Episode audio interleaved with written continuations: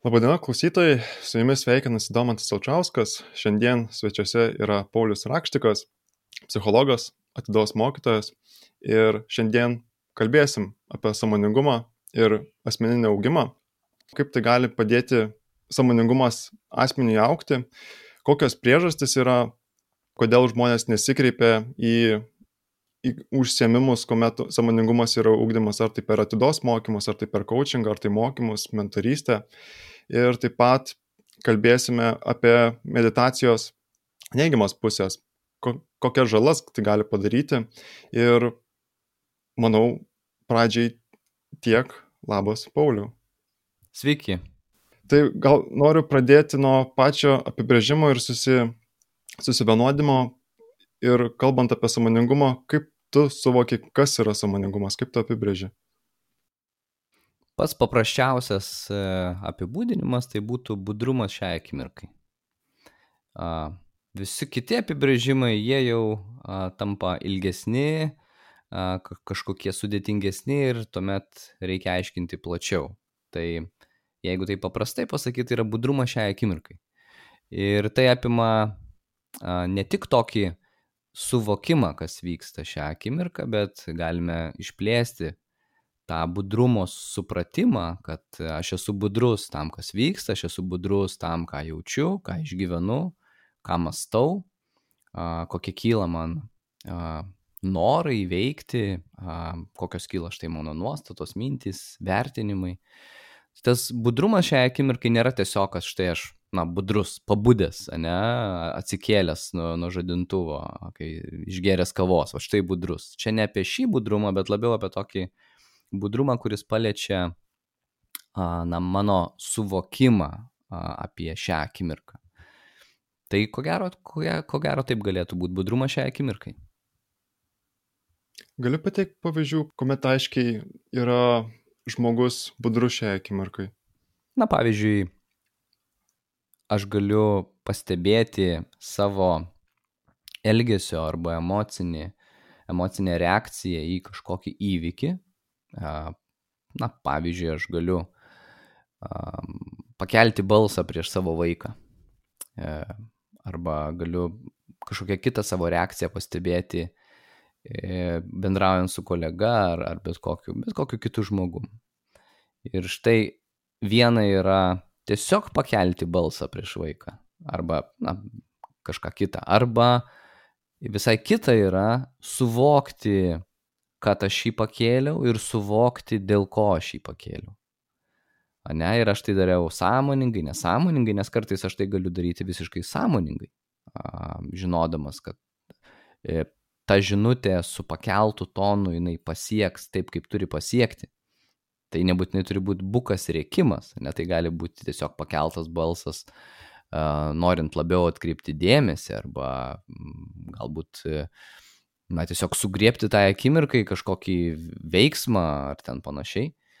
Tai, tai štai viena yra tiesiog e, tarsi spontaniškumas, e, kartais blogąją prasme, tas impulsyvumas, gal šiuo atveju tiktų žodis, o kitas atvejis yra veiksmas, kai tu esi budrus tam veiksmui.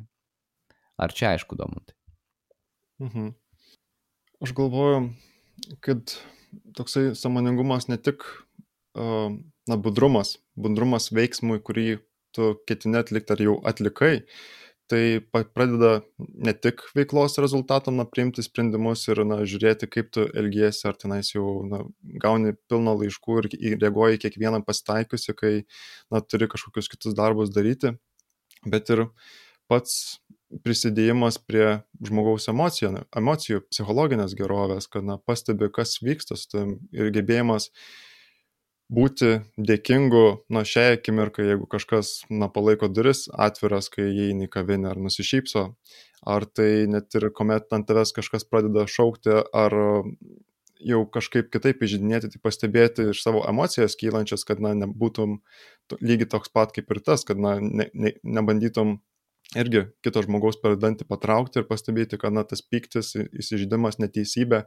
kuri kyla, na, yra būtent, na, dėl tokių sąlygų ir, na, tame čia jau tasai budrumas rinktis, ką tu darysi toliau, kaip elgsies. Ir mano suvokimu, kad samoningumas yra na, dažnai ir daugumai teigiamas dalykas, kad ir padeda pačiai veiklai atlikti ir geriau jaustis. Ir manau, kad čia galima tikrai sutarti, kad na, kuo daugiau samoningumo žmoguje, tuo, tuo jis ir geriau elgsis veikloje, na, to geresni rezultatai jo bus ir jausis laimingesnis. Na, dažnai, ir čia tikrai galima kalbėti apie išskirtis, kuomet tai gali neveikti, bet įprastai uh, samoningumas padeda šiem dviem aspektam. Ir prieš judant prie to klausimo, kad kodėl žmonės nesikreipia, ar kodėl žmonės, na, sakykime, jeigu laikom samoningumo, budrumu teigiamą dalyką, kad toks yra gėris, kodėl žmonės tai nesikreipia, kodėl neužsiema ir neina į užsiemimus, kur yra būtent ugdomas šis įgūdis ar patys to, to netreniruoja. Tai prieš, prieš pereinant prie šito klausimo, ar, ar sutinki su tuo, kad e, samoningumas ir jo ugdymas bendrai įprastai daugumai žmonių yra atsilempintis teigiamai tiek emocinę ir produktyvę pusę? Uh, taip, su žvaigždutėm norisi gal labiau sakyti taip, e, negu, negu gaunasi sakyti taip. Ir, e, na, žinai, e, Domantai, man atrodo, kad kai pradedi plačiau matyti, tampi jautresnis gerąją prasme tam, kas vyksta, kas mūsų supa. Tai iš vienos pusės taip, yra smagu matyti kažkokių daugiau atspalvių, bet tuo pačiu matydamas daugiau atspalvių, tu matai daugiau ir, ir kančios, a, kitų žmonių, a, skausmo ir, ir panašiai. Ir a, apie šitą ir kalba a, tai praktikuojantis žmonės, kad, na, tai, kad mes iš pradžioj mokomės su savim išbūti, koreguoti savo elgesį, ne, ne, ne, nepaklusti impulsyvumui, tas keisti, na tiesiog tai, kas mums asmeniškai pirmiausiai aktualu, tarsi, e, tarsi va štai ugdomės, ar ne? Bet e, kitas tarsi žingsnelis yra greta to, kad tokiu atveju pradedi matyti ir, ir aplinką, e, kiek joje daug yra to, ko tu negali tai aplinkai duoti. Ne? Na, aš kalbu tiesiog apie matymą kančios plačiaja prasme. Tai Tai kai mažinamės tą asmeninę kančią, visa pasaulio kančia nuo to sumažėja labai mažai, ne? tai jos lieka vis tiek daug labai aplinkoje. Taigi tas e, skirtumas tarp tarsi savęs ūktelėjusio ir visos aplinkos tokios kenčiančios, na jisai irgi gali atsirasti jausmas, kad jis didėja. A, aš dažnai tokį jausmą išgyvenu, na, galvodamas, na, kuo aš galiu prisidėti prie, prie tos kenčiančios aplinkos. Ir aišku, aš prisidedu tiesiogiai su savo veikla, na, ten palėti vieną, kitą, keliolika, šimtą, gal tūkstantį žmonių, ne, bet, bet Žemėje jau 8 milijardai. Ir, ir tu matai atvirom akim, kas vyksta pasaulyje, kas vyksta net ne pasaulyje, kas vyksta štai išėjus į gatvę, tiesiog reikia pakeisti įprastą maršrutą, nueiti kokiam nors gatvėm, kur rečiau vaikšti ir, ir tu pamatai, kaip žmonės gyvena, ko, ko jie siekia, na, kiek yra, tiesiog žinias galima įsijungti ir pasižiūrėti. Tai ir tuomet tas e, asmeninis ūktelėjimas, jisai tampa tokiu keistų dalykų, nes atsiduri į ribas, kad tu jį gali panaudoti labai ribotai. Ir tada vėl ateina kita banga savo asmeninių augimo, kaip su to išbūti ir tada atsiranda tokios temos kaip prieimimas, štai dėkingumas tavo paminėtas, ar, ar, ar, ar kažkokie kiti dalykai, kurie eina kaip jau antras žingsnis po to budrumo. Ne? Tai būti budriam yra tarsi pirma, mes, ko mes siekiam, ne, ugdydami atidą. O kai tampi budrus, tuomet jau galvoji, na, tai kurią dabar vietą tą klibinti su tuo, kai, kai tas budrume atsirado. Taigi, e, ar tai vien e, pliusai? Nu, žinoma, kad ne. Bet ar to linkėčiau daugeliu žmonių? Taip, nes tai, nes tai palengvina bent jau, bent jau kažkuria prasme palengvina. Hmm. Ir man įdomu, beklausant, kad atrodo pats budrumas, kokią informacijos srautą, na, sakykime, budrumas informacijų srautui, kurią ar tu vartoji, ar tai pastebi, tai čia nesvarbu, ar tai žiūri žinias ir pastovi avarijas, matai, ar tai tam tikrus, na, nelaimingus atsitikimus, ar tai šiaip neigiamas naujienas ir ar tai tiesiog gatvėje praeini pro tam tikrus jau mažiau pasiturinčius rajonus, ar kur jau nemažai sutvarkyta. Taip pat budrumas tą informaciją, kuri ateina. Tai vienas iš tokių, atrodo, pirminių etapų tai yra pastebėti tą informaciją, o antras interpretuoti ir kaip tu tai suvoki. Ir man atrodo, čia jau kaip ir papildomi žingsniai, kas gali padėti žmogui ar tai aukti, ar tai na, mėgautis geriau gyvenimu, tai yra kaip interpretuojamas yra situacijos. Ir dabar galvoju per patį tokį pavyzdį, kad uh, Nes vakar taip tik klausiau vieną podcastą Sam Harriso, kuris, na, buvo, man atrodo, prieš metus ar pusantrų metų kalbama, kad, na, tiesiog vienas jo įrašų. Ir jis kalbėjo, kad, na, kaip jis šiek tiek suirzęs yra, kad dar negavo vakcinos, kad laukia eilėje. Ir toksai kaip ir, atrodo, stebėjimas, kaip kiti žmonės ten gauna vakcinas ir skiepės ir ir, ir iš to suirzda, tai galvoju pati ta interpretacija, kurią žmogus gali turėti, kad, na, va, aš dar negavau vakcinos, man čia yra grėsmė ir, na, čia aš dėl to nerimauju, bet taip pat ir kaip tu interpretuoji tą situaciją, kad, na, per globali pandemija ir per ateinančius metus sugebėjo su, sukurti penkias skirtingas vakcinas tai lygai įveikti ir sumažinti uh, sveikatos pasiekmes neigiamas.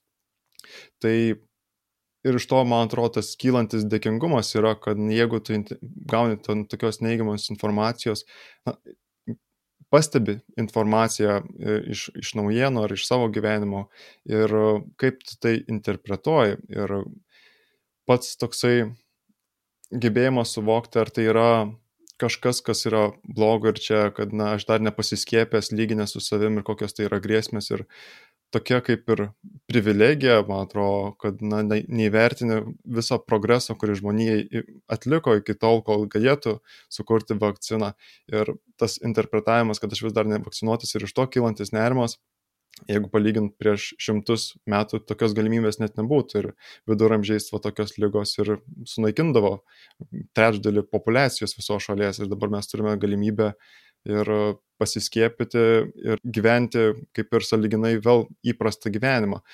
Tai prie to tokio mintis, kad samoningumas, na, gal iš savęs neprisideda prie geresnio gyvenimo, bet kad pastebėti tam tikrus įvykius ir jau dirbti su interpretacijom ir, na, kaip tu interpretuoji tą tokį procesą, ar tai religija, filosofija, kurią tu nešiesi su savim, tai man atrodo, čia yra kas be abejo prisidėtų prie daugiau prasmės, na, kančios įprasminimo, ar tai tiesiog neigiamos informacijos pavertimų teigiamų ir pamatymų į to galimybės ir išliekant tai dėkingam.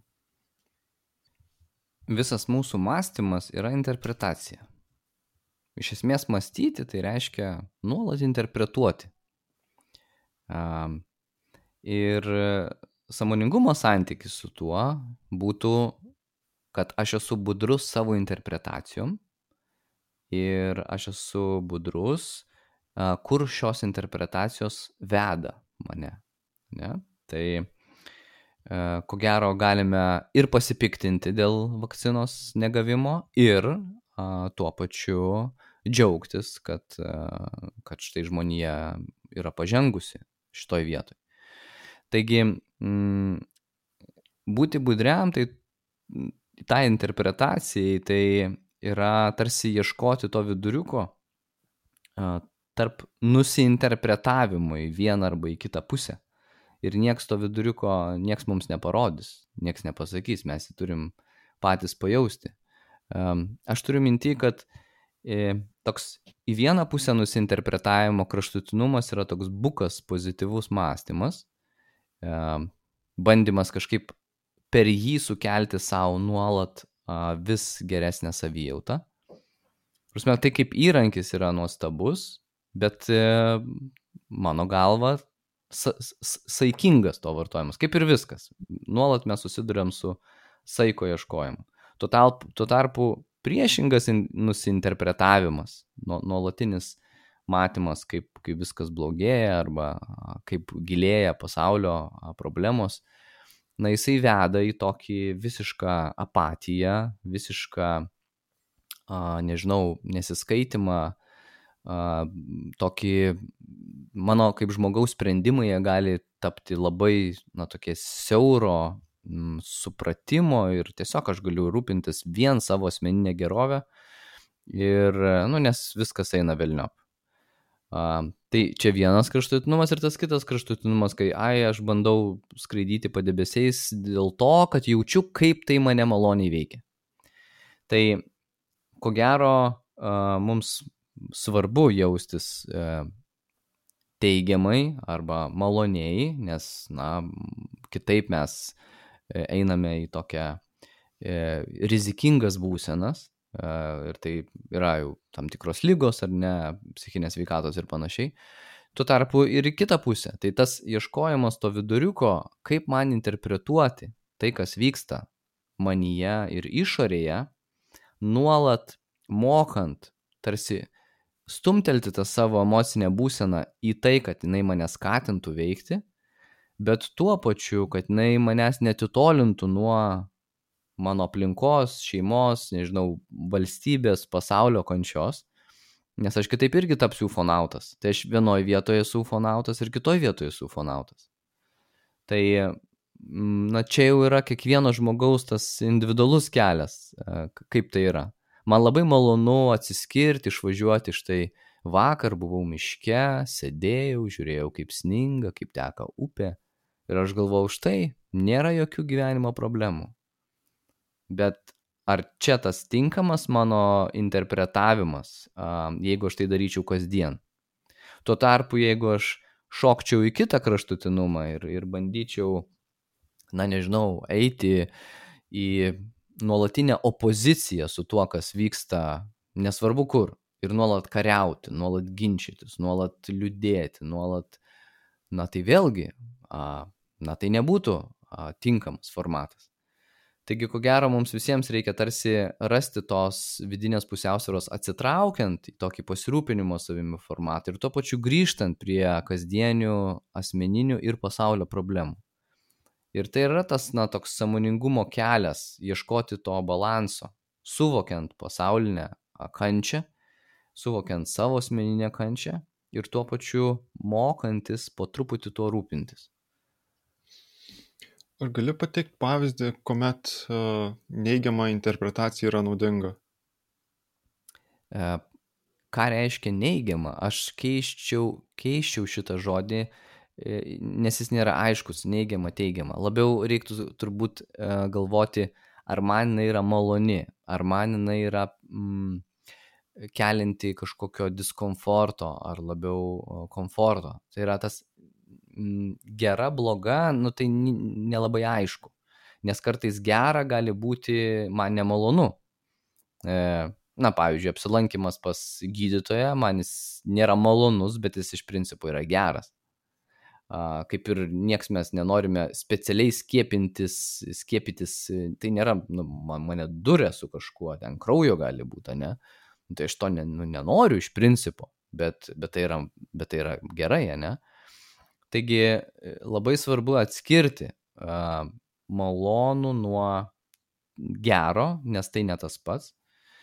E, tai gal gali tada patikslinti klausimą, Domantai, ko gero tada klausimas, ar, ar e, tas nemalonus gali būti geras, ar, ar, ar kaip tai traktuoti? Aš, aš girdėjau iš tavęs, tu vartoji tos terminus teigiamą interpretaciją, neigiamą interpretaciją ir man, mhm. man kilo smalsumas, ką turi omenyje. Tai čia ir tikriausiai tasai sinonimai būtų malonu ar tai nemalonu.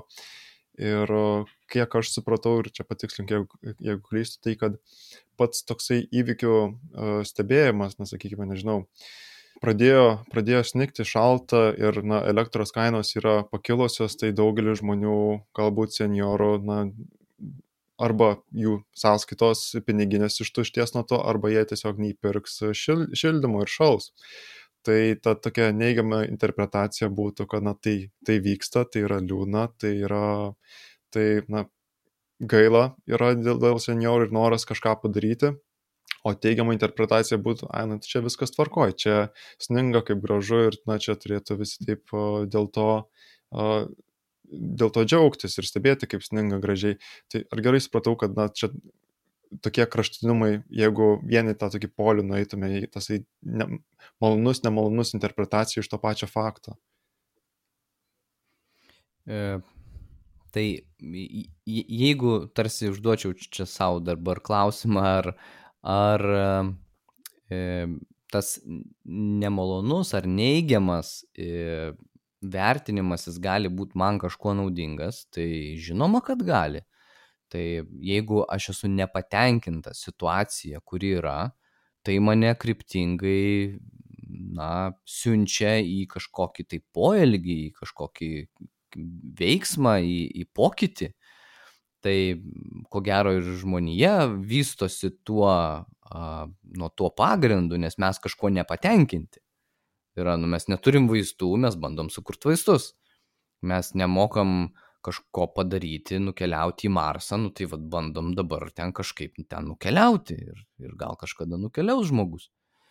E, tai tas pats, pats nemalonios ar, ar štai nepasiekiamos e, situacijos noras, jisai mane skatina veikti. E, galbūt bėda yra tada, čia jeigu vėl susijant tai su samoningumu, kad štai kai žmogus mes visada vertinam pirmiausiai ir tiesmukiausiai per savo asmeninę prizmę ir pavyzdžiui, jeigu pakyla mokestis, aš iškart žiūriu į savo kišenę ir jeigu ten toj kišeniai nieko nėra arba nieko gero, tuomet man tai sukelia nepasitenkinimą, na pavyzdžiui, valdžia ir jos sprendimais. Ane?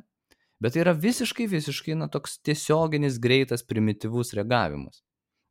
Ane? Žinoma, Žinoma, jeigu aš matysiu plačiau, na, kad štai yra karas, mes mokam daugiau, nes yra, nuo to mano piniginėje neatsiranda pinigų. Ne? Tai yra, man nuo to nepalengvėja e, mano objektyvi situacija. Net kai aš tai suvokiu e, sąmoningai.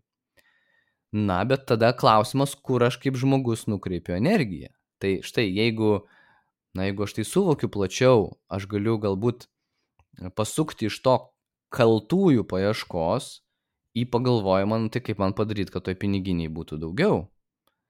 Ne? Tai yra ne, ne, neieškant, na, nei su, su plakatu kažkur stovėti ar, ar panašiai, kas kartais gal, gal irgi yra sprendimas, jeigu kitko kažko negaliu, nu gal.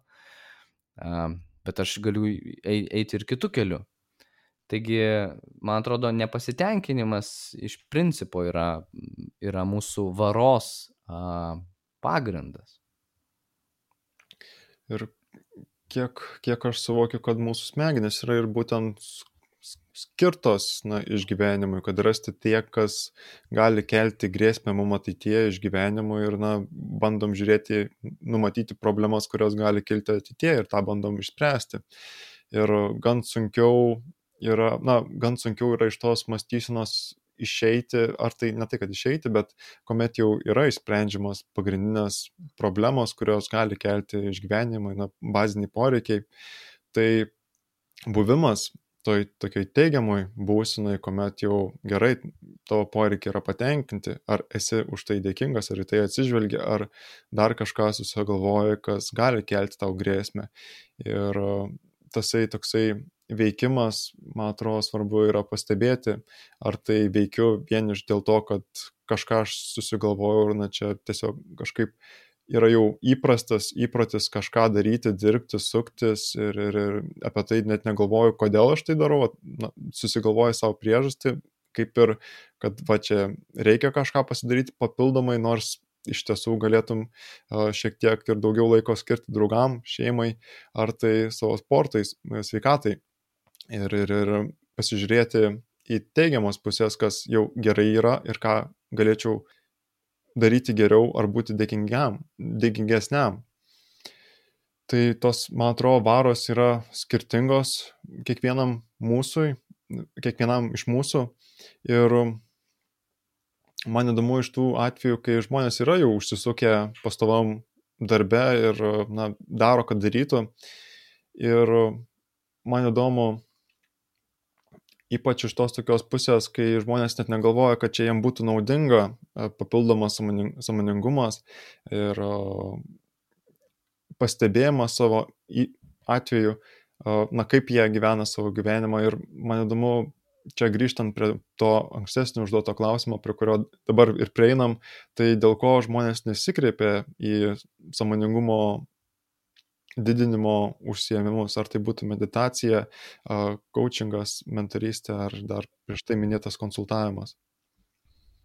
Kalbant šiom temam apie samoningumą, e, kaip žinodamas, e, žinau, kad gali prireikti, tai pasidedu šalia ir kviečiu į mūsų pokalbį prisijungti trečią dalyvį, e, jo vardas Vidūnas. Ir aš atsiversiu tuoj, čia esu pasižymėjęs keletą vietų iš jo knygos Sąmonė. Ir prieš pasidalinant gal savo mintim, aš siūlau pažiūrėti štai ką prieš kokį čia maždaug šimtą metų ar ten panašiai jau dalinosi vidūnas, kalbant apie samoningumą ūkdymą. Ir jis turėjo daug čia minčių, atsakant į tą klausimą, kodėl žmonės nesiekia. Tai tiesą sakant, aš matydamas šimtus, sakau, tūkstančius tikrai per tos aktyviai e, dirbant šioj temoje apie šešerius, septynerius metus žmonių. Ir aš nesugalvoju, ką kitą pasakyti, kas parašyta čia. E, o čia parašyta štai kas. 57 puslapį vidūnas rašo. Dažnai pastebėt, kad žmonės į samoningumą žiūri kaip į kokį gyvenimo priedėlį. Tuliems atrodo beveik be prasmės apie tai dar ir kalbėti. Sąmonė jiems yra kaip kažkoks filosofų sugalvotas negyvenimiškas dalykas. Na vieną dalyką vis dėlto kiekvienas patiria. Ir sąmonės reikšmė taip aiškėja, kad negalima jos nepastebėti ji net vienu sakiniu pasakoma taip. Ką žmogus ilgiau savo sąmonėje palaiko tad įgyja nuolatai didėjančią reikšmę jam ir visam gyvenimui. Tai paėmus šią citatą man atrodo čia yra na, daug to atsakymo. Žmonės žiūri į tai kaip į kažkokį gyvenimo priedėlį, kuris neturi nieko bendro su jų kasdienybė. Ir aš netgi dažnai klausiu žmonių savo grupėse, sakau, kaip jums tai skamba, ką aš sakau, gal jums atrodo, kad aš filosofuoju. Na, kalbėdamas štai tokiom, žinai, nusunkiai apčiuopiamom temom, kaip ten samoningumas, atida, kažkoks e, kitoks santykis su aplinka, su savim, nu visą tai skamba taip, nu, miglotai, ar ne? O žmogui tiesiog reikia keltis, eiti darbą, uždirbti pinigus, e, kažkaip suvaldyti vaikus, e, kažkaip spėt e, kažką nuveikti į savo būtyje, sumokėti mokesčius, nuvykti į Egiptą, po to stogauti, vėl grįžti ir vėl toliau dirbti ir taip toliau. Tai, tai prie ko čia tas samoningumas? Tai aš bandau irgi lygiai taip pat klausti, nu tai kur man jį dabar įkišti tą samoningumą, kai mano visa dienotvarkė už, užknista? Tai tą vidūnas ir rašo, bet žmonės žiūri tai kaip į priedėlį. Nu tai taip ir gaunasi, tai ką man to priedėlio. Um, tai pa, taip iš psichologinės pusės žiūrint, e, na, mes dažniausiai vadovaujamės kasdien savo, na, savo veikimą nukreipiam pagal poreikį. Mes jaučiam poreikį, nukreipiam į tą poreikį. Jeigu poreikio nejaučiu, aš nieko nedarau vardant poreikio. Ar pavyzdžiui, šiuo metu e, tu, Domantai, ar bet kas, kas mūsų klauso šią akimirką, ar šiuo metu jūs kažkaip rūpinatės dėl savo lygsvaros? Nekiek.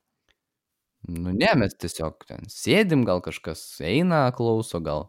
Nu ne, bet, bet yra gyvenime juk dalykų, kai mes rūpiname savo lygsvarą. Galbūt reikia pereiti per kokį nors e, soliuką, galbūt bežaisdami esat kada užlipę ir bandėt pereiti, ar ne? Galbūt, galbūt kažkokios, va štai, slidu šią žiemą, ar ne? Galbūt einame per nepabarstytą kelią ir bandome laviruoti, rūpindamėsi savo lygsvarą. Tai aš imu lygsvarą tokį, vėlgi, nu, jeigu mes sakytume, lygsvaros ūkdymo kursai, užsirašykite. Nugalvotų žmonės, nu, čia iš vis pablūdo. 300 eurų tik dabar su akcija. Nu, nereikia man, ne? nes tai kažkaip savaime man gaunasi palaikyti tą lygsvarą. Ir yra labai mažai situacijų, kai man jos reikia e, kažkaip labai budriai sąmoningai. Tai yra lygiai tas pats su ugdymo temomis.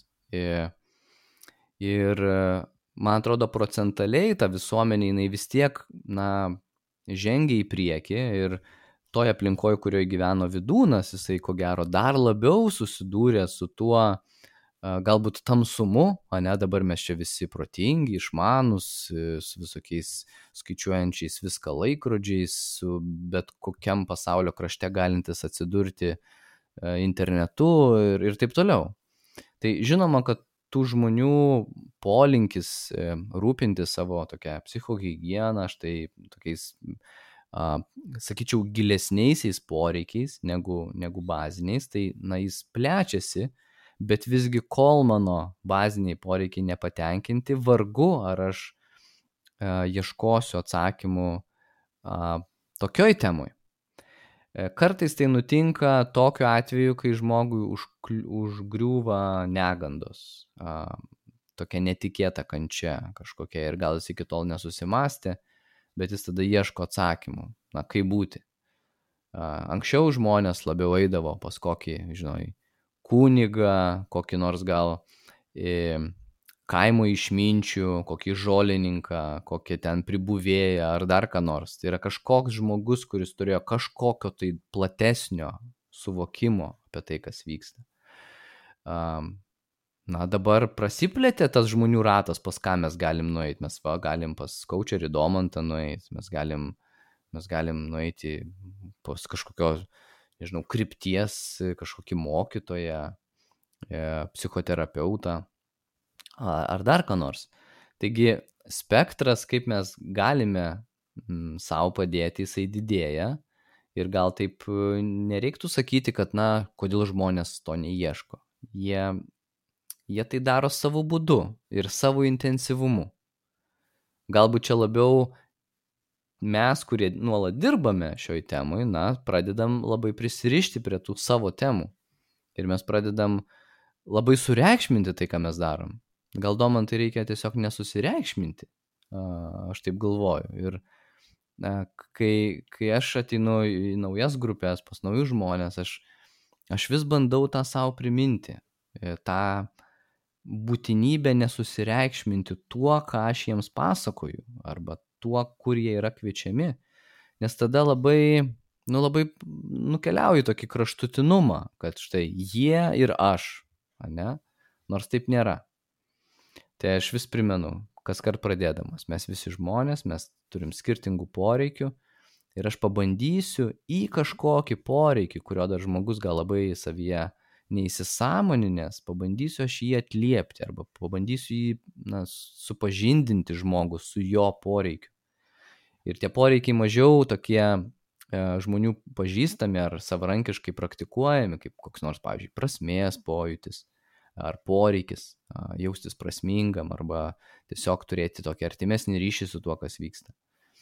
Arba poreikis būti susijęs su kitais žmonėmis, su gyvenimu, nes atsietumo jausmas, vienatvės jausmas yra vienas irgi tokių daugelį žmonių lydinčių ir, ir panašiai. Tai yra daug tokių subtilių temų, ką žmogus, na, natūraliai jis nekelia savo tų klausimų, kaip mes nekeliam savo klausimų apie lygsvarą Taip mes nekeliam klausimų apie samoningumą, kol tai nesuaktualėja. Dėkui, dėkui ypač už pasidalinimą vidūno citata, man atrodo, tikrai per šimtus metų galbūt net nerastume geresnio atsakymo į šį klausimą. Tai iš tikrųjų, kai pagalvoju, kad tasai samoningumas, mokymai dar tokio žmogaus, kuris jau na, daug besikuičia ir pagalvoju, kad čia samoningumas dar kažkoks darbas, turi jau pakankamai, kam čia man dar papildomai vargintis, kai nėra tam poreikio ir na, svarbiau man pasirūpinti savo šeimą, darbo, darbo reikalais ir gal dar išeiti pasportuoti, jeigu, jeigu turiu energijos ir laiko. Tai atrodo, jo, čia tam poreikiai nėra, kai tiesiog galą su galu bandai vis sudurti ir toksai samoningumas galbūt net nežinau, ar atneštų neigiamas pasiekmes. Ir buvom trumpai užsiminę prieš, prieš šio įrašo darimą, kad ne visiems samoningumas gali tikti. Ir pasi, taip tak, iš smalsumo pusės pasižiūrėjau mokslinius tyrimų rezultatus, ar visiems samoningumas turi teigiamas pasiekmes. Tai ne. Ir labai nustebau, kad ten mažai literatūros e, šioje temoje, bet imtis, kuri irgi buvo maža, tai 10 procentų vieno tyrimo rezultatais žmonių, kurie yra, na, praktikuoja samoningumą, neatsimenu ar kokį, man atrodo, mindfulness atida grinai, tai patiria ar tai daugiau suicidinių minčių, ar tai depre, depresijos simptomų. Ir aš nustebau, kad samoningumas gali turėti neigiamas pasiekmes ir kad, na, pats stumimas ar kvietimas, gal labiau toksai raginimas žmonės išbandyti samoningumą vien iš tokios savi, susireikšminimo pusės, kad čia tikrai yra gerai, tikrai išbandyk ir, na, neatsižvelgiant į kito žmogaus kontekstą, gali būti žalingas. Ir um, galvoju, ką tu galvoji, ar kokias neigiamas pasiekmes gali dar samoningumas sukelti? Aš mielai vėl pacituočiau Vidūną, nežinau, Domantai, ar nebus per daug. Prašau. Nes aš čia turiu keletą dalykų pasižymėjęs iš skirtingų puslapių. Bet pirmą, prieš einant prie Vidūno, kuris vėlgi čia turi pamastymų lygiai į tą klausimą, kurį tu ką tik uždavai, aš pirmą retoriškai užduočiau keletą klausimų. Uh, reaguojant į tavo klausimą, ar tai gali būti kažkokia žala, ar, ar, ar kažkam kažkaip pakenkti Aš keliu klausimą. Kažin, e, ar šūdvabalis suvokia, kad jis yra šūdvabalis? Na, atsiprašau, mėšvabalis turbūt reiktų sakyti, bet prarandam tą energiją, kurią skleidžia tas žodis. Tai, na, kažin, ar šūdvabalis žino, kad jis yra šūdvabalis? Ir aišku, mes jį, mes jį taip vadinam, bet, kažin, jeigu šūdvabalis susivoktų, kad jis yra šūdvabalis ne tik dėl to, kad mes jį taip vadinam, bet kad jo visa gyvenimo prasme stovi ant nuolatinio šūdvabalio į kamoliuką sukimo. Ne? Tai kaip tai paveiktų jo kasdienį, kasdienį egzistenciją? Tai aš šios klausimus aš galiu tiesiog va štai palikti čia ir mes galim patirinėti apie ką tie klausimai. Ir kaip samoningumas man gali kokios man žalos padaryti. O dabar keliauju prie e, gražiau mokančių kalbėti nei aš vidūno ir e, štai noriu dar kelias vietas pacituoti. Um, 90 puslapis, čia naujo leidimo tos knygos naujesnio. Ir skamba taip. Žmogui priderėtų dažniau pamanyti, kad pasauliui patirti reikia būti sąmoningam. Vadinasi, sąmonė yra visų patirčių neišvengiama sąlyga. Sąmonė priklauso mūsų esmei kaip kokia jos uždegta liepsna. Tik nedaug yra žmonių, kurie apie tai galvoja. Todėl žmonėms gyvenimas ir atrodo tik tai kaip koks didis žaismas, kuriame kiekvienas savaip judėdamas dalyvauja ir į jį įneša trukdymų arba akstinimu. Akstinimas yra skatinimas. O kaip visą tai sužinome, retai kam te pareina į galvą. Ja todėl laužyti atrodo tikrai bergžės dalykas. Gyvenimas yra kad ir nenuginčiamas vyksna, vyksmas, bet labai paprastas, o dažnai dargi nuobodus. Atsitinka, kad ir kasdienis žmogus apie tokius klausimus pamasto. Jam ypatingai nuo, nuotaikos būsenai sukilus. Bet jis tada beveik ir nusigasta. Jam lyg tuščias tas gyvenimas ir neprasmingas. Vis dėlto žmogus gyvena ir turi taikintis į pasaulį. Čia gal sustosiu, čia gal būtų ir prasme ir daugiau skaityti, bet e, tik pačią mintį noriu, va štai tarsi savai žodžiais pasakyti. Štai vidūnas sako, žmogus tikrai kartais susimasto apie, apie tuos dalykus, apie ką mes dažniau galbūt savo veikloje keliame klausimus, apeliuodami į susivokimą, savo ta, kasdienių įvykių ir elgesio seką, bandydami ten išvelgti daugiau prasmės ar panašiai. Tai štai jisai ir rašo, kad na, žmogus susimasto apie tai, bet tai tikrai gali ir nusigasti. Nes jeigu tu susimastai apie tą savo kažkokį va štai tą gyvenimėlį, na tave gali užplūsti tą išgastis, apie kurią rašo vidūnas, kad na, na, žinai, gal prasmės nėra, gal aš kažkokiam nesąmonėm užsiemu, ko vertas tas mano gyvenimas, ne, ir, ir, ir panašus tokie gilesni dalykai. Mm, Taigi, man atrodo, tai siejasi su tai, ką aš kalbėjau apie tą mėšvabalį e, kažkokią formą, nes tas susimastymas, jisai turi tokio užtaiso nusivilti giliau supratus ar, ar aiškiau pamačius. Bet vėlgi, aš tai matyčiau kaip proceso dalį nes tai nėra baigtinumas išsigasti, ką tu supranti. Ane? Čia jau vėlgi yra tiesiog proceso dalis, o ką aš darau tai supratęs.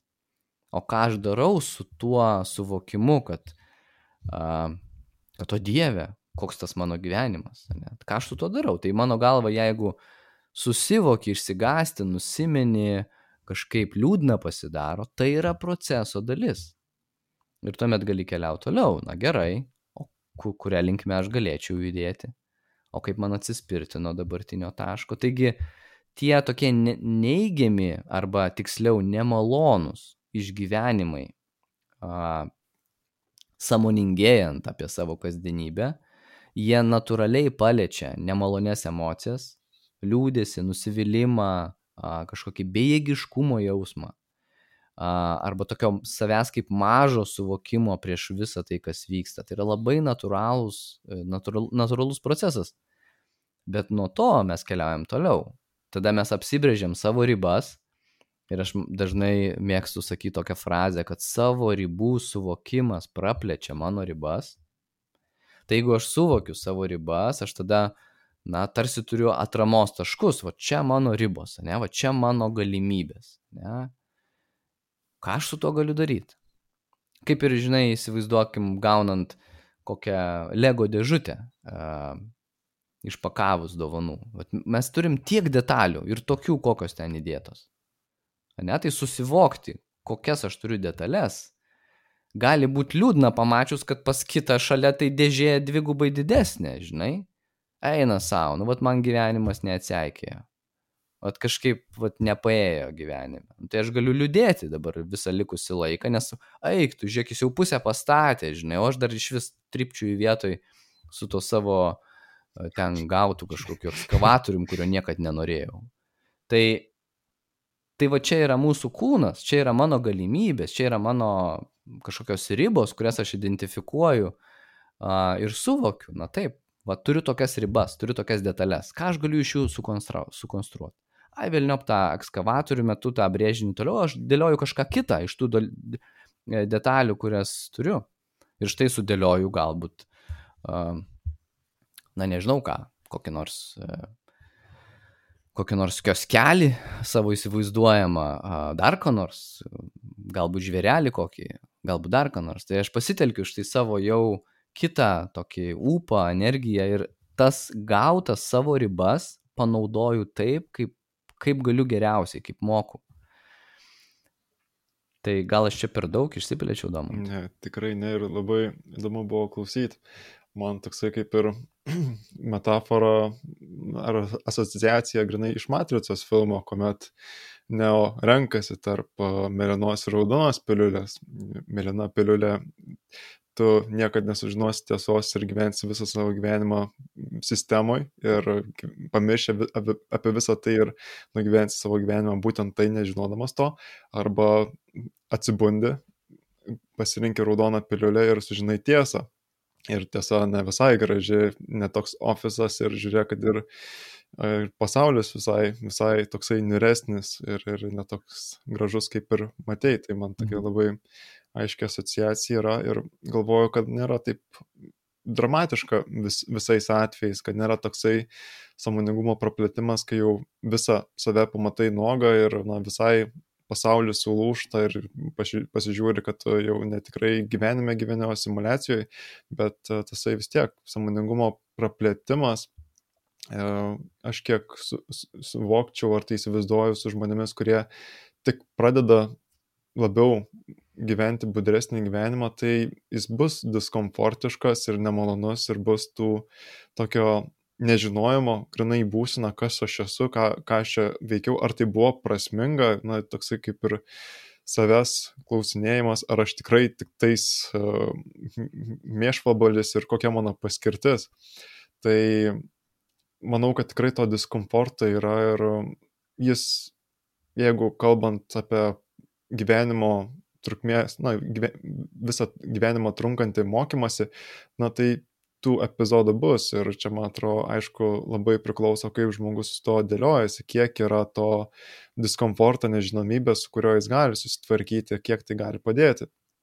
Ir galvoju iškart iš tos pusės, kadangi visuomenėje vyksta pokyčiai ir na, daugiau vis iš mūsų pradeda galvoti apie samoningumą ir uh, apie tai domėtis, tuo užsimti, bet vis tiek kaip ir vidūno laikais mažai žmonių vis dar palyginus populacijos dalimi praktikuoja samoningumą ir šiai dienai aš manau, kad Lietuvoje ypač samoningumo tiek daug yra nepraktikuojama. Ar tu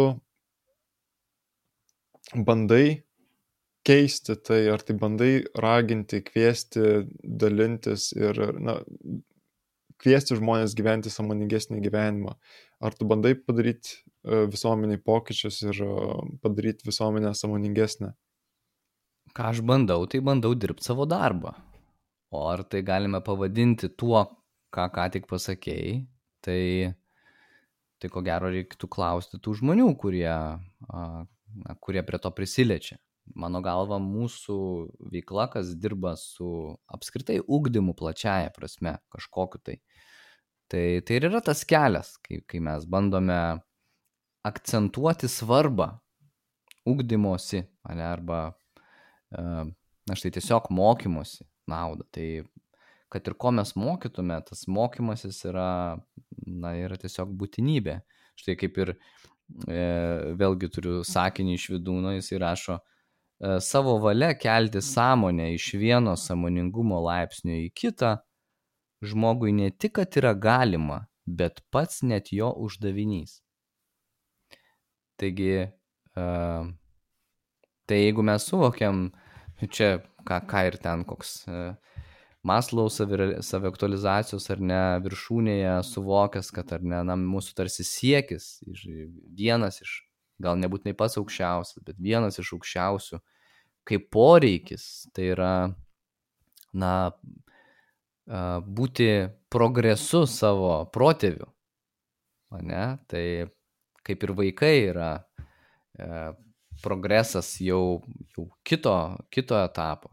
Tai, tai mes tas progresas ir niekaip kitaip neįmanomas, jeigu aš na, nejudu pirmin ir tas judėjimas pirmin yra tas toks platesnis na, platesnis ūkdymasis, kad ir kas tai būtų. Tai nebūtinai ši tema, gali būti kažkokia kita. Taip, palauk, aš taip ir pilnai nespratau. Ar aktyviai tai bandai keisti visuomenę, ar į tai nežiūri kaip į rezultatą, kurį gali paveikti ir na, darai tai, ką, koks yra tavo darbas ir užsiemi ūkdymu ir nežvelgi daugiau savo na, pasiekmes, tai, ką negali na, visai na, pilnai kontroliuoti, ar, ar tai yra vienas iš tavo sąmoningai iš, iškeltų tikslų, ar į tai net neatsižvelgi vykdinama savo darbą? Tai man suteikia didelį pasitenkinimą mano veikla ir vienas iš to pasitenkinimo elementų yra suvokimas, kad, na, aš prisidedu prie žmonių geresnės savijautos. Tai man tai teikia, na, tiesiog mano, man asmeninį pasitenkinimą. Aš, aš išvelgiu prasme savo veikloje ir, ir esu dėl to na, labai dėkingas e, savo pasirinkimams, gyvenimo aplinkybėms, e, kitiems žmonėms, kad ir kam aš galiu būti dėkingas. Tai, e, tai mano galva tai yra na, neišvengiamai, mano atsakymas yra taip, domantai, bet jisai nėra taip, kad aš kažkaip tai darau užlipęs ant statinės, rėkdamas ir panašiai, nes aš suprantu, kad irgi na, turi atrasti savo būdą ir aš jo ieškau, aš jį tobulinu ir panašiai, kaip pasiekti tą žmogų, kuriam to labiausiai reikia arba kuriam jis, kam, kas yra pasiruošęs susitikti. Žinai, į pasimatymą e, gali, e, pasimatymė, pasimatymas įvyksta tik tada, kada kita pusė ateina į pasimatymą.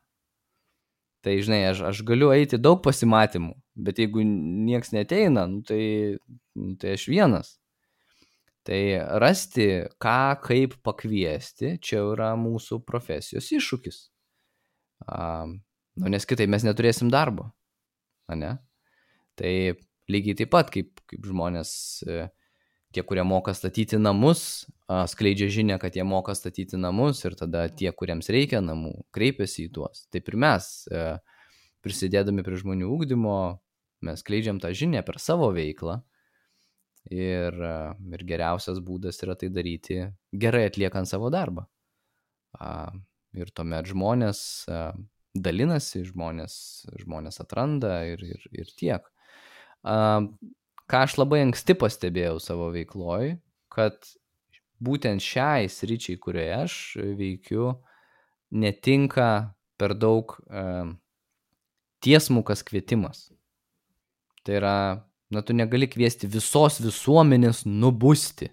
Žinai, kaip e, visokių ten tų pasaulinių tokių projektų yra buvę, kaip maždaug, nu dabar čia pabudinsime čia visą pasaulį. Nu, nuoširdžiai netikiu aš, aš tokiais dalykais. Taip, aš kuo netikiu, aš netikiu greitų pokyčių.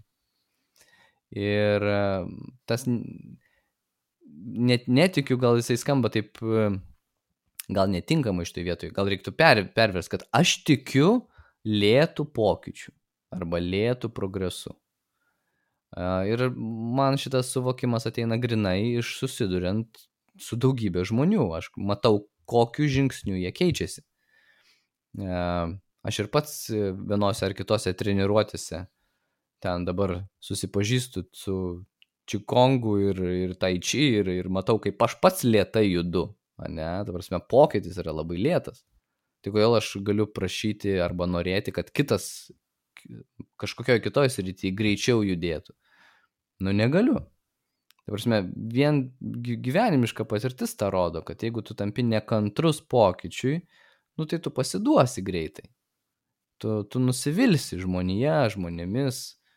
A, bet jeigu tu pradedi džiaugtis mažų pokyčių, tu gali tęsti. Ir tęsiant mažą pokytį, tu pasieki didesnį pokytį. Atrodo paprasti dalykai, domantai, ta prasme, absoliučiai Bet tai taip sunkiai žmonės e, priima, tai yra lėta pokytį. Daž, da, labai dažnai žmonės numeta daugybę dalykų vien dėl to, kad jie negauna greito pokyčio, o ypač šiais laikais, kai tu nori va tiesiog keliais mygtuko paspaudimais čia pat turėti visus atsakymus, tau turi būti aišku ir jeigu neaišku, tai ja, čia nesąmonė.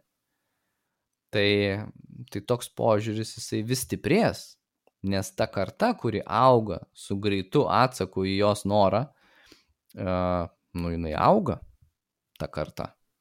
Ir uh, man atrodo, e, aišku, čia yra e, pagunda greitai užsidirbti pinigų, nes tu tai kartai gali pasiūlyti greitą pokytį, iš esmės meluodamas, ir tą daro daugybė įvairiausių mokytojų, kurie ten gydo per vieną ar ten tris ar ten kažkokias sesijas ir ten toj mes čia jums, žinai, va štai tą samoningumą a, nušviesim su kokia nors piliulė ar kokiam apieigom ar dar ko nors.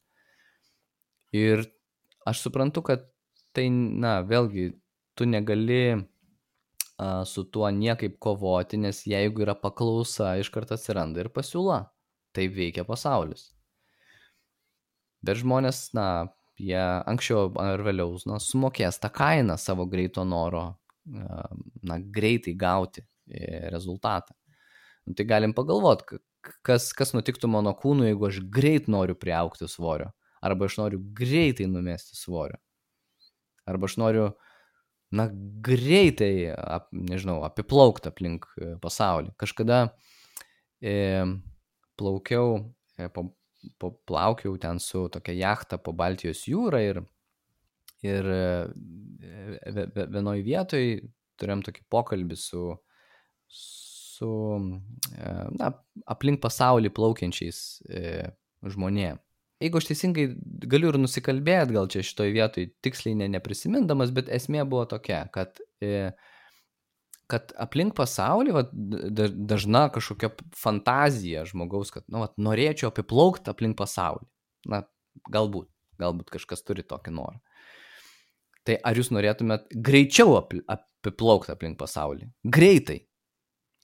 E, ir ten konkrečius terminus pasakė, sako, žmonės apiplaukia per pusę metų aplink pasaulį. Na, ten jie, yra tas aplink pasaulį apiplaukimo tam tikras maršrutas, dažniausias, aišku, ten visai gali vertikaliai, horizontaliai, ten tom visom kryptim, kaip tu nori plaukti, bet ten kažkoks populiariausias maršrutas, sako, gali jį apiplaukti per pusmetį. E, bet tai yra kvailystė, dalinasi žmonės, kurie supranta. Jis sako, tam reikia ne mažiau dviejų metų. E, tai aš šitą metaforą vėl siūlau pritaikyti ir mūsų štai ūkdymui arba ūkdymuisi. Tai, nu palauk, nu aš aplink pasaulį tai nenorėčiau paskubom perplaukti. Aš norėčiau, kad tai būtų lėtas, prasmingas patyrimas. Aš nenoriu pagreitinti. Bet kodėl mes norim pagreitinti tiek daug gyvenimo dalykų? Um, nesuvokdami, kad lėtumas yra kokybė, prabanga, ypač šiais laikais. Netgi ugdymasis lėtas yra prabanga. Išmok uh, užsienio kalbos kursus per du mėnesius, ten, žinai, uh, na, krūva visokiausių pagreitinimo kursų. Visi nori pagreitinto varianto ir galima jį parduoti lengvai. Kas norit greitų, mėlyjei pinigų, siūlykit kažką greito. Uh, tai aš nesirenku šito kelio ir, ir kažkaip dėl to džiaugiuosi. Tai gal čia tiek. Dėkui. Galvodamas apie tą greitį, tai ir kiek pastangų yra įdedama, na, sakykime, ilgalaikius tikslus, na, tai iš to ir kyla prasmė. Ir pats toksai, kaip, sakykime, lipimas į Everestą, na, tai pats visas procesas yra prasmingas, nors ir kančios persunktas, bet tai iš to kyla prasmė, nes tu savo pastangomis įveiki save ir pasieki viršūnę. Ir, na, nors ir įkoptum į Everestą su, na, sakykime, su straiktasparniu užskridį ir tenais su parašiutu, ar tai tiesiog virvę nusileidai ir keletą metrų užlipi iki viršūnės, na, tai užkopė į Everestą šaunu. Ir per tą pačią valandą galbūt ir pavyktų užkopti, bet kiek tai prasmės ateina ir kokį tai reikšmę turi tavo gyvenimui, jeigu tu taip greitai ir taip, na, e, kabutėse lengvai užkopi į Everestą, tai, na, čia pats klausimas žmogui. Ir man įdomu iš tos pusės, kuomet žmonės jau nori lietų pokyčių, kurie jau ateina, na, sakykime, pas tave su, su noru praplėsti savo samoningumą e, užsimti, atido, praktikuoti daugiau atidą. Kas tikrai tikiu, kad yra tekę išgirsti priežasčių, kas paskatino žmonės uh, žengti pirmą žingsnį ar dėl ko jie kreipiasi. Ar gali pasidalinti, dėl kokių priežasčių žmonės, kurie nepraktikavo prieš tai atidos samoningumo, kaip jie apie tai sužinojo ir kodėl būtent nori tai pradėti praktikuoti? Mm, aš band, kol uždavė klausimą, bandžiau galvoti, ar nors vienas žmogus, nu jo, buvo gal keletas, e, kurie būtų įvardinę tai, kaip tu tai suformulavai, kad atėjau pasimokyti atidos, nes, pavyzdžiui, na, domiuosi atida, ar domiuosi samoningumu ugdymu, dėl to atėjau. Na tai čia turbūt būtų e, vienas, keli iš šimto. E, nieks taip neateina. Kaip ir nieks neateina mokytis pusiausviros, e, pagal mano ankstesnį pavyzdį. Bet ateina žmonės, nes turi tam tikrą vienokį ar kitokį sunkumą. Ir tai paprastai yra nerimas, kažkokios depresyvios mintys, įkyrios mintys plačiaja prasme, kažkokios panikos atakos, noras sulėtinti savo gyvenimą, nes pradeda jausti tai kūnas ir, ir, ir artimieji, kad žmonės ne, nevaldo savo emocijų, kad jie tampa pernelyg pikti, pavyzdžiui, arba a, tokie a, gniuždantys save ar aplinkinius. Tai, Tai žmonės čia aš tiesiog vardinu spontaniškai į, įvairiausias priežastis, bet žmonės ateina dėl na, kažkokios jų suvokiamos problemos, jų, jų suvokiamo a, kažkokio, na, štai elemento, kurį no, jie nori pakoreguoti. Miegas, tarp kitko, vienas labai dažnai skambančių dalykų, nori pakoreguoti, kažkur skaitė, girdėjo, kad tai padeda ir panašiai. Tai žmonės atranda šias praktikas arba apskritai temą, Nes vėlgi labai skirtingai. Vieni ateina smalsiai praktikų, kit, kitiems praktikos mažai rūpi, jie nori pasmalsauti gal, kaip čia vyksta, ne? nes ta žodis toks mistinis mindfulness dažna privilioja, nes o, čia kas, čia apie ką nori tarsi susipažinti. Tai, tai žmonių kelias labai skirtingas, bet jisai, sakyčiau, turi labai žemišką kažkokį tokį a, poreikį, labai aiškiai. E, Ir pamir, pamečiau tavo antrą klausimo dalį, tiesą sakant, gal man tai galėjai dar įvardinti. Um, dabar bus, manau, prisiminti, tai buvo kodėl ir kaip žmonės kreipiasi atidos. Tai atsakėjai, kodėl, Taip. o kaip tai sužinojo, tai... Jo, tai, tai čia šiuo atveju dažnai būna per rekomendacijas, labai dažnas atvejis, dažnai būna per, kadangi jau literatūros vis daugėja ir lietuvių kalba yra priversta daug knygų ir uh, Tai yra žmonės tiesiog jau jiems, jeigu aš pradžioj aiškindavau, kas tai yra, nu, aš pradžioj tai turiu minti savo veiklos pradžioj šioj temoje, ne? E, prieš kokius septynerius ar ten šešerius kažkaip panašiai metus, jeigu dar pirmus kelis metus aiškindavau, kas tai yra, tai dabar jau pastebiu, kad niekam to aiškinti nereikia. Kaip viena dalyvė, e, labai man įstrigo vienos dalyvės, e, aš kai kalbu apie dalyvius arba tai dažniausiai kalbu apie grupių dalyvius ir dažniausiai aš vedu aštuonių savaičių atidos ugdymo kursą streso valdymo temoje. Tai čia, kad šiek tiek patikslint. Tai viena dalyvė kartą atėjus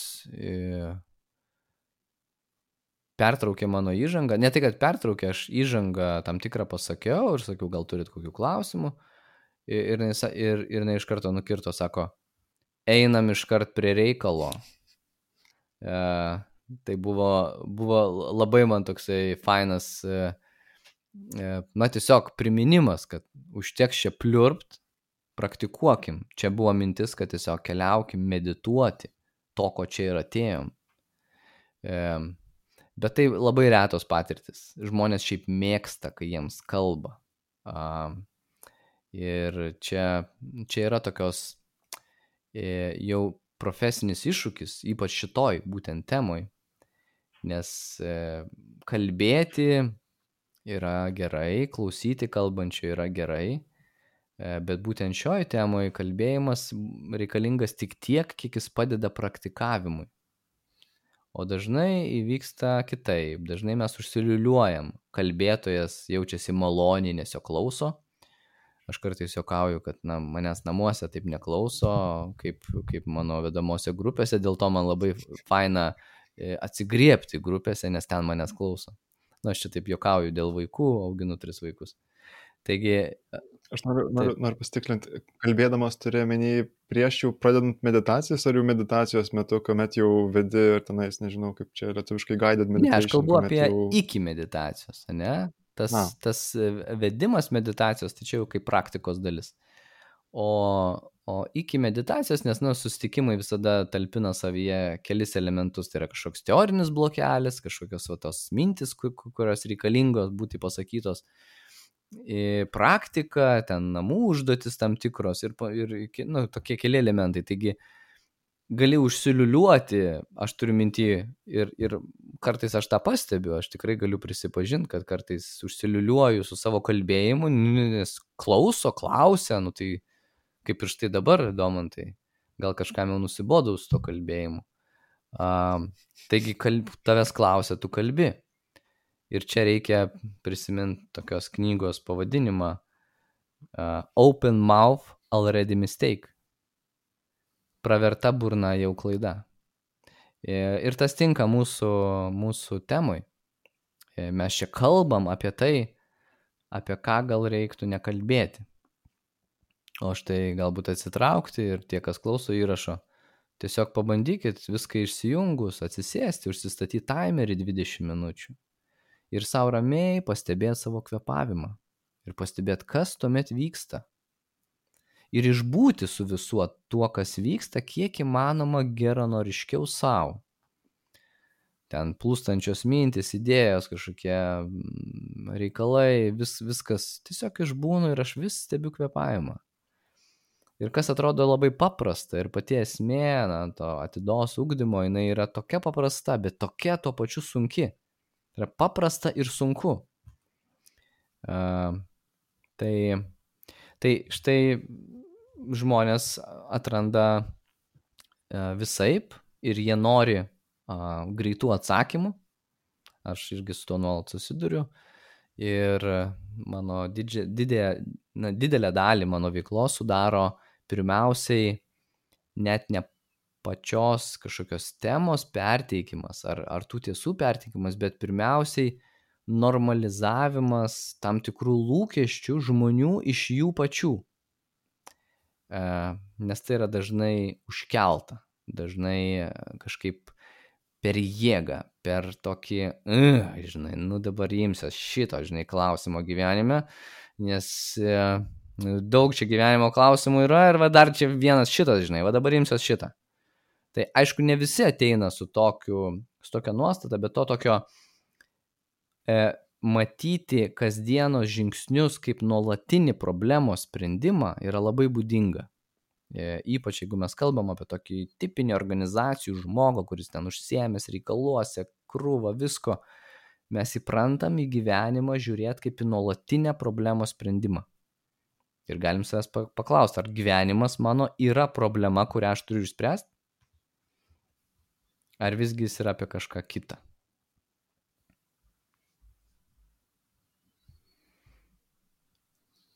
Ir girdžiu, kad ir patys žmonės, kai jau kreipiasi į užsiemimus, tai yra toksai kaip ir ne tai, kad uh, minėjai, kad ten kraštutinumai, kad vienas, du žmonės ateina dėl atidos iš, iš savęs pačios, o kiti, kiek girdžiu, tai kaip ir uh, tas pats, ta pati piliulė nuo problemų vaistas, tai ar tai stresas, ar tai nemiga, ar tai, ar tai nerimas, ar dar kažkas, kurios, na, yra jau tokia problema, kuri trukdo kasdieniam funkcionavimui ir atida kaip būdas tai spręsti. Atrodo irgi iš tos pusės girdžiu, kad uh, atida yra būdas spręsti problemas, nors ir džiugu, kad žmonės renkasi daugiau tai praktikuoti ir to užsimti ir šiek tiek uh, kaip ir liūdna iš tos pusės, kad uh, mažai renkasi tai kaip prevencinį veiksmą, kad tai jau iš anksto praktikuoti, kad jau, na, kai jau, kad nebūtų tie jau simptomai dėl to, kad nepraktikavai visą savo gyvenimą ir dėl to tavo atėjo tos šios, e, šios pasiekmes. Tai džiugu būtų ir tikiuosi, kad ateityje atsiras na, daugiau samoningumo apie patį samoningumo, kad atida padeda ir teigiamam, e, teigiamam ir profesiniai ir emociniai e, pusiai ir kad daugiau žmonės kreipsis dėl prevencinių veiksmų ir geresnio gyvenimo kokybės, kad na, nebūtų toksai problemos sprendimo uh, problemų sprendimas kiekvieną dieną ir viso gyvenimo sprendimas, bet kad būtų apie kažką daugiau ir kad koks tas uždavinys yra.